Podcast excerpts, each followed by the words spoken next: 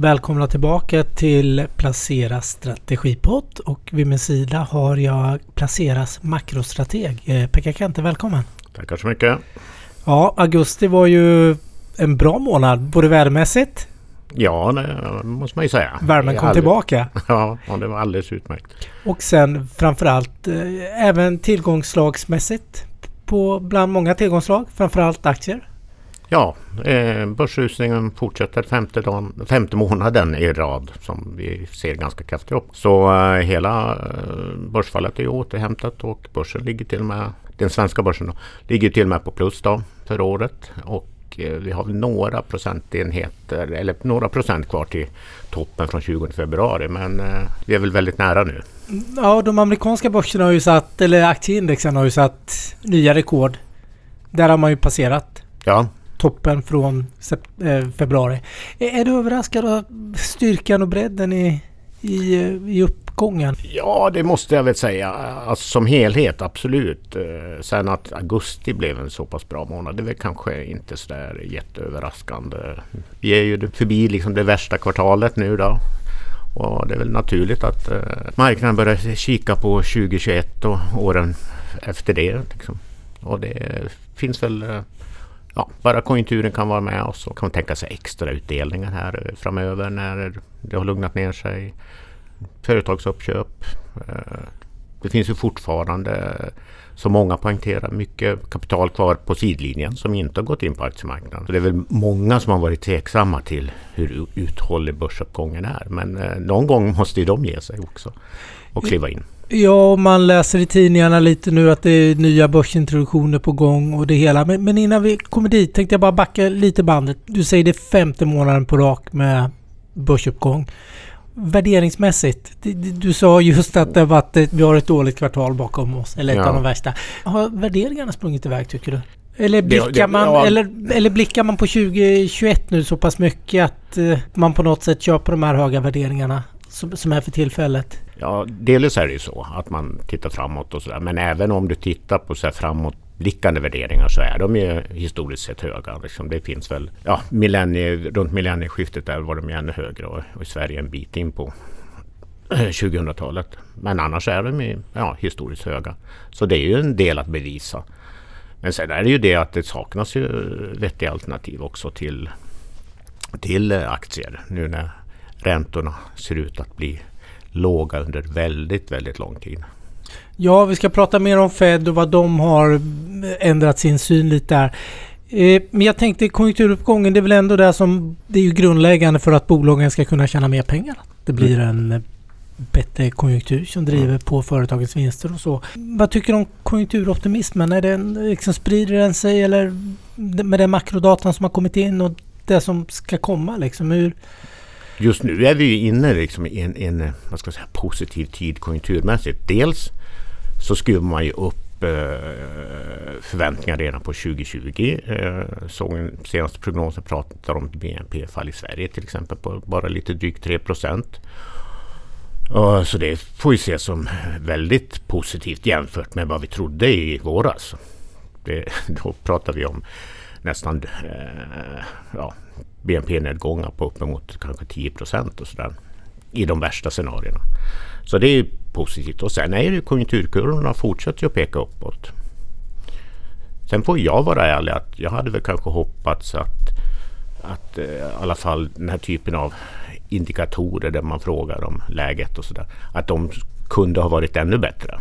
Men de är tillräckligt bra för, för, för att eh, konjunktur optimisten ska hålla i. Var är vi liksom i de här bokstavskombinationerna höll jag på att säga. Vi har pratat mycket V och det har pratats W i återhämtningen och sådär. Och var är vi? Ja, eh, det är frågan. Eh, det är den stora frågan. Vi ska komma ihåg att det här, de här fina liksom talen, som, tillväxttalen som vi ser just nu, det, det är ju rekyltal efter att vi har kommit från en katastrofår. Och jag vill ju invänta hur höststatistiken rullas ut innan jag törs liksom dra lite mer långtgående slutsatser om vad coronakrisen har betytt på lite längre sikt och hur det underliggande efterfrågetrycket i den globala ekonomin ser ut. Eh, det nya är ju att man pratar om en fågelvinge, inte längre om U och W och V, utan om en fågelvinge. Det var eh, franska centralbankschefen Villeroy som myntade begreppet. Och det är ju att nu har vi haft de här väldigt höga tillväxttalen. Det kommer att dämpas. Alltså, det kommer fortfarande vara uppåt men i betydligt långsammare takt än tidigare. Och han kallar ju då det ett fågelvingemönster. Liksom. Jag vet inte om det är en bra beskrivning på det. Men det är väl ett, eh, framstår som ett allt mer troligt scenario. Vi ser det redan lite grann i Kina som var tidiga i uppgången. Att där har ju tillväxttalen börjat dämpas. Och det kan vara fullt tillräckligt för att fortsätta stötta börsen. Men eh, låt oss inte dra iväg konjunkturoptimismen alldeles för mycket. Liksom. Än i alla fall. Jag tänkte på något som skulle kunna liksom bromsa konjunkturoptimismen. Det är väl en eh, risken för en förnyad spridning som många pratar om att det kanske kommer nu när hösten står för dörren och så. Hur, hur känner du där? Känner du någon oro att det stökar till eller gör man inte de här stora nedstängningarna av ekonomierna? Nej, det som, som det ser ut så kommer man inte att göra det utan man satsar på liksom partiella åtgärder, och försöker begränsa smittspridningen där den dyker upp.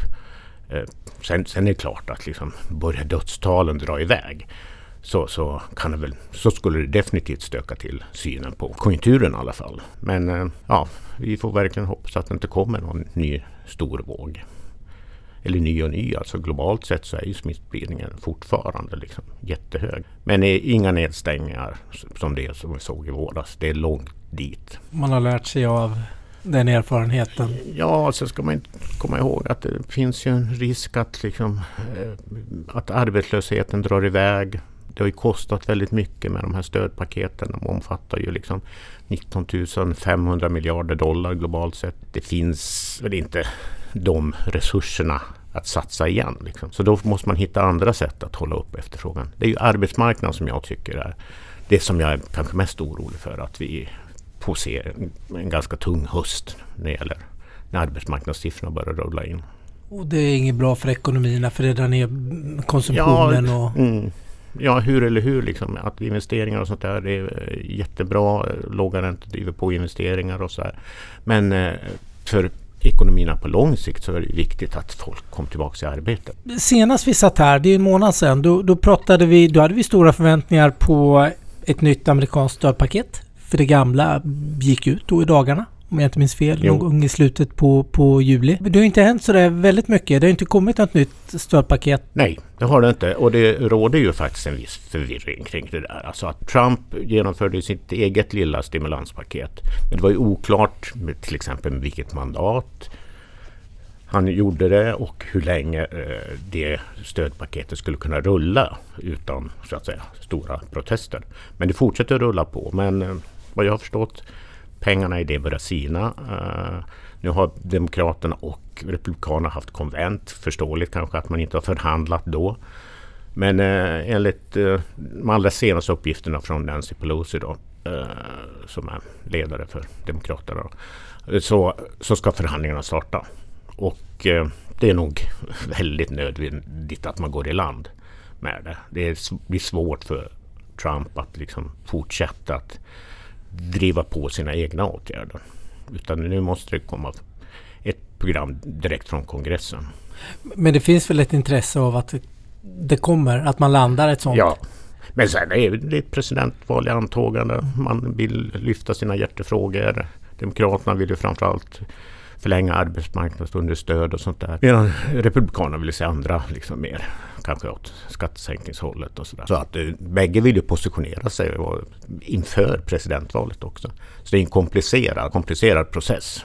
Men det är alla, alla är medvetna om att det är nödvändigt att presentera dem. Det är en komplicerad process. Någon som har lite enklare processer uppenbarligen det är den amerikanska centralbanken, Federal Reserve. De var ju ute här för någon vecka sedan eller några veckor sedan Ja, men lite nya inflationsmål och i de marknadskommentarer jag har läst om augusti nu så tror jag alla har hänvisat till att just Feds ändring av inflationsmålen är en av vad ska man säga, faktorerna bakom den starka uppgången i augusti också.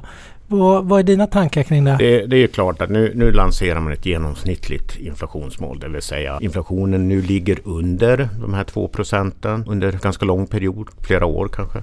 Så, så kan den skjuta över målet under flera år Så Man pratar ju om eh, ja, en första räntehöjning minst 4-5 år framåt liksom, innan det kan bli aktuellt. Och det har ju definitivt hjälpt börsen. Däremot så, så tittar man på räntemarknaden så har det egentligen inte hänt så mycket. Utan prissättningen på räntemarknaden har ju indikerat att det ska komma den här typen av besked eller beslut. Kommer det att sprida sig? Kommer de att vara vad ska man säga, vägledande i den här frågan? Är det något som du tror Riksbanken och ECB kan överväga den här typen av nytt inflationsmål? Ja, ECB ska ju titta på det eh, har de ju sagt. Eh, sen ligger det väl en bit fram.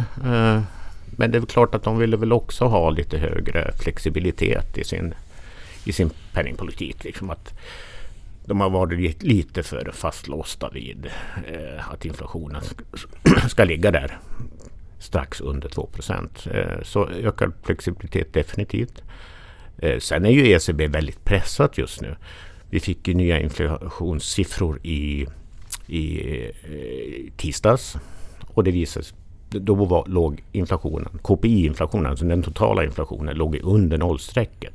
Och kärninflationen, där, när man räknar bort eh, energipriser och livsmedel, låg på den lägsta nivån någonsin. Så att de är pressade av att dels av låg inflation, för troligtvis lite stigande arbetslöshet under hösten och att Fed har presenterat sitt nya inflationsmål. Så definitivt måste ECB komma med någonting i alla fall. Sen eh, vad man landar i, det är en mycket mer komplicerad process givetvis i, i EMU-området med alla länder och mm. man har en väldigt olika syn på egentligen hur penningpolitiken ska bedrivas från början. Och det hänger ju kvar. Men det var lite Jag noterade en sak igår i nyhetsflödet. Det var att eh, förra centralbankschefen ECB, Mario Draghi, eh, var ute och gjorde sin första kommentar efter att han har slutat nu. Och då pratade han om att han önskade att man inte skulle hålla liv i sådana här industrier och sektorer som är på väg att ja, dö ut eller vad man ska säga.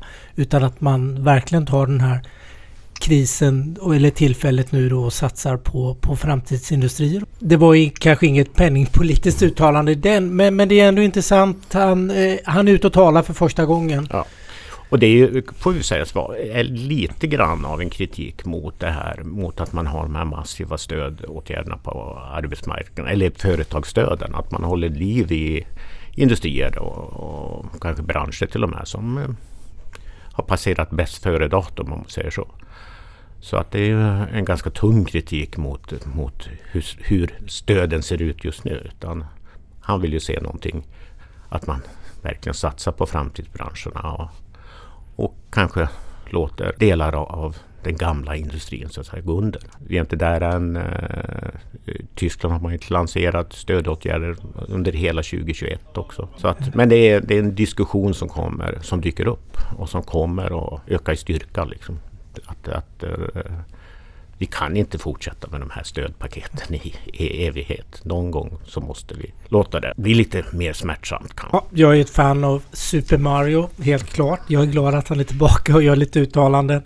Federal Reserve, det de gjorde nu, det stärkte ju inte dollarn precis. Fortsätter dollarn sin sin resa söderut som det, den påbörjade efter den här dollarfrenesin här när alla skulle ha dollar här i februari-mars. Det är väl en ganska allmän syn att, att, uh, att dollarn kan fortsätta neråt. Mycket beroende på just att Federal Reserve nu har sagt att nollräntorna, eller i princip nollräntorna, ligger, eh, ligger fast. Och det betyder ju att dollarn som tidigare eh, har ju amerikanska räntor legat över de europeiska till exempel. Så, eh, och det har ju drivit upp nu är den, det borta och då tittar man kanske på andra fundament och sådär.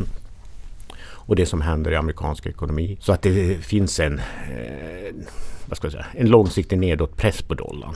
Och eh, det vanliga är ju också att när man marknaden väl har skapat en rörelse i just dollarn så har den en tendens att pågå rätt länge innan någonting vad ska jag säga, oförutsett eller, eller något lite mer dramatiskt händer. För det är fortfarande så att blir det risk av på marknaden så, så kommer man väl att söka sig till dollarn igen. Men så länge konjunkturoptimismen så här, håller i sig hyggligt, börserna går bra så är det, en, är det en fortsatt press på dollarn. Ja, och det är lite tydligt. Jag såg i Bofas senaste investerarenkät så börjar man mer och mer köpa emerging markets. Eh, både obligationer och, och aktier och det är ju ett tillgångslag som kanske gynnas mest av en svag dollar och en låg amerikansk räntenivå. Ja. Men, men, även kronan har ju, den är ju lite av en superstar sen, eh, sen bottennoteringen på, på eh, bland aktier i slutet på mars. Den har ju gjort en, ja vad får man säga, en remarkabel uppgång just mot eh, dollarn och är en av de starkaste valutorna mot dollarn sen ja. bottennoteringen. Är, är, du överraskad av det och hur länge kan kronans framfart fortsätta? Det är synd att säga att man blir överraskad när man under 20 års tid har sagt att, kronan borde stärkas.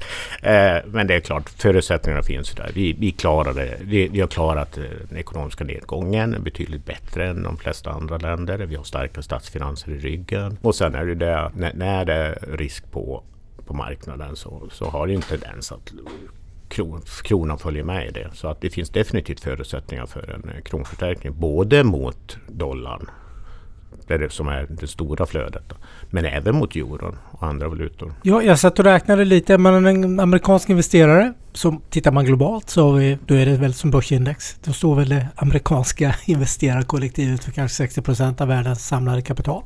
Då, då har ju Stockholm varit en extremt bra affär. Dels har ju börsen gått väldigt bra. Sen botten och adderar du på då kronförstärkningen så har du ju då har du en otroligt bra avkastning. Något som du inte har fått på flera år som kanske är dollarinvesterare då? Mm. Ja, herregud. Du får ju lägga på en 10 procent eller kanske mer därtill liksom, som amerikansk investerare utan valutasäkring. Så det är en fantastiskt att ha placerat sina tillgångar i Sverige. Eller Norge till exempel som också har, den norska kronan har ju också gått, har väl till och med gått lite, lite bättre än den svenska. Jag sa att Oslobörsen var en av de bästa europeiska börserna i augusti.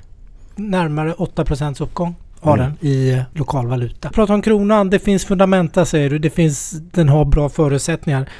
Eh, nu har våran eh, finansminister varit ute och eh, pratar om att de har ett svenska stimulanser på runt 100 miljarder nu som kommer. Vad, vad, tycker du om det? Det ska väl malas, det är inte klart riktigt än. Men, men är det stort och mycket paketet? Det motsvarar ju ungefär, eh, vad blir det, 2-2,5 procent, 2 procent av BNP. Så det är inte någon, någon riktig så game changer. Andra länder har satsat ännu mera. Men det är klart, det är välkomna pengar och eh, men som, precis som du är inne på så ska det här malas mellan januaripartierna. Så vi vet ju inte. Vi vet att eh, Centerpartiet och Liberalerna vill se skattesänkningar. Eh, Medan eh, Socialdemokraterna kanske främst vill se eh, arbetsmarknadsunderstöd, eh, slopad karensdag, eh, satsningar på pengar till kommuner och sånt där. Det vill väl i och för sig alla partier just nu. Men Kamalas, det är, eh, det är mycket pengar och eh, det kommer givetvis hjälpa svensk ekonomi. Men om smittspridningen skulle ta fart i höst eller arbetsmarknaden visar sig bli sämre än väntat så kommer man att behöva satsa mer. Det kommer att komma tilläggsbudgetar i så fall. Eh, 100 miljarder är ett bra plåster på såren men det är inte någonting som kommer att lyfta svensk ekonomi långsiktigt. Många av åtgärderna kommer troligtvis också vara tillfälliga. Vi väntar fortfarande på den stora skattereformen till exempel. Mm.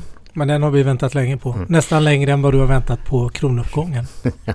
om jag ska... Men får jag bara säga ja. en, en, eh, sak om kronan också. Den, den, ställer ju till problem för Riksbanken. Och nu har ju Riksbanken sitt nya möte här i september. Och Eh, det ska bli intressant att säga, höra vad de säger om kronan, hur de ser på kronstyrkan. Vi vet att inflationen troligtvis kommer bli mycket låg i höst och sådär. Vilket eh, EMU-områdets inflationssiffror var en indikation på. Så att eh, ska de börja prata om valutainterventioner, det törs de inte tror jag. Ska de börja prata om negativa räntor igen. Det, är ju, det blir ju viktigt för, för eh, kronutvecklingen. Jag tror att den kan ta ett, en paus inför, liksom, Riksbanks, inför Riksbanksbeskedet. Men efter det så tar man ut en ny riktning. Så en liten paus för kronan nu kanske? Ja, det kan väl vara kanske lite hälsosamt också efter det här tjurruset som, ja. som vi har sett nu. Det går ju inte att blunda för att, jag har ju läst på lite nu, andra tisdagen i november är det amerikanskt eh, presidentval. Det är i alla fall då det ska gå av stapeln. Hur känner du inför presidentvalet nu? Jag, jag såg bara en liten kommentar idag i nyhetsflödet. Det var att bettingfirmorna, nu, nu ligger de två kandidaterna nu ger de lika mycket pengar ungefär tror jag. Och det, så det blir ju en högst osäker period här fram till, till, eh, till valet. Då. Vi kommer väl se olika utspel. Då. Men i mycket av fokus har ju hamnat på liksom, corona, hur Trump hanterar coronakrisen som missgynnar honom.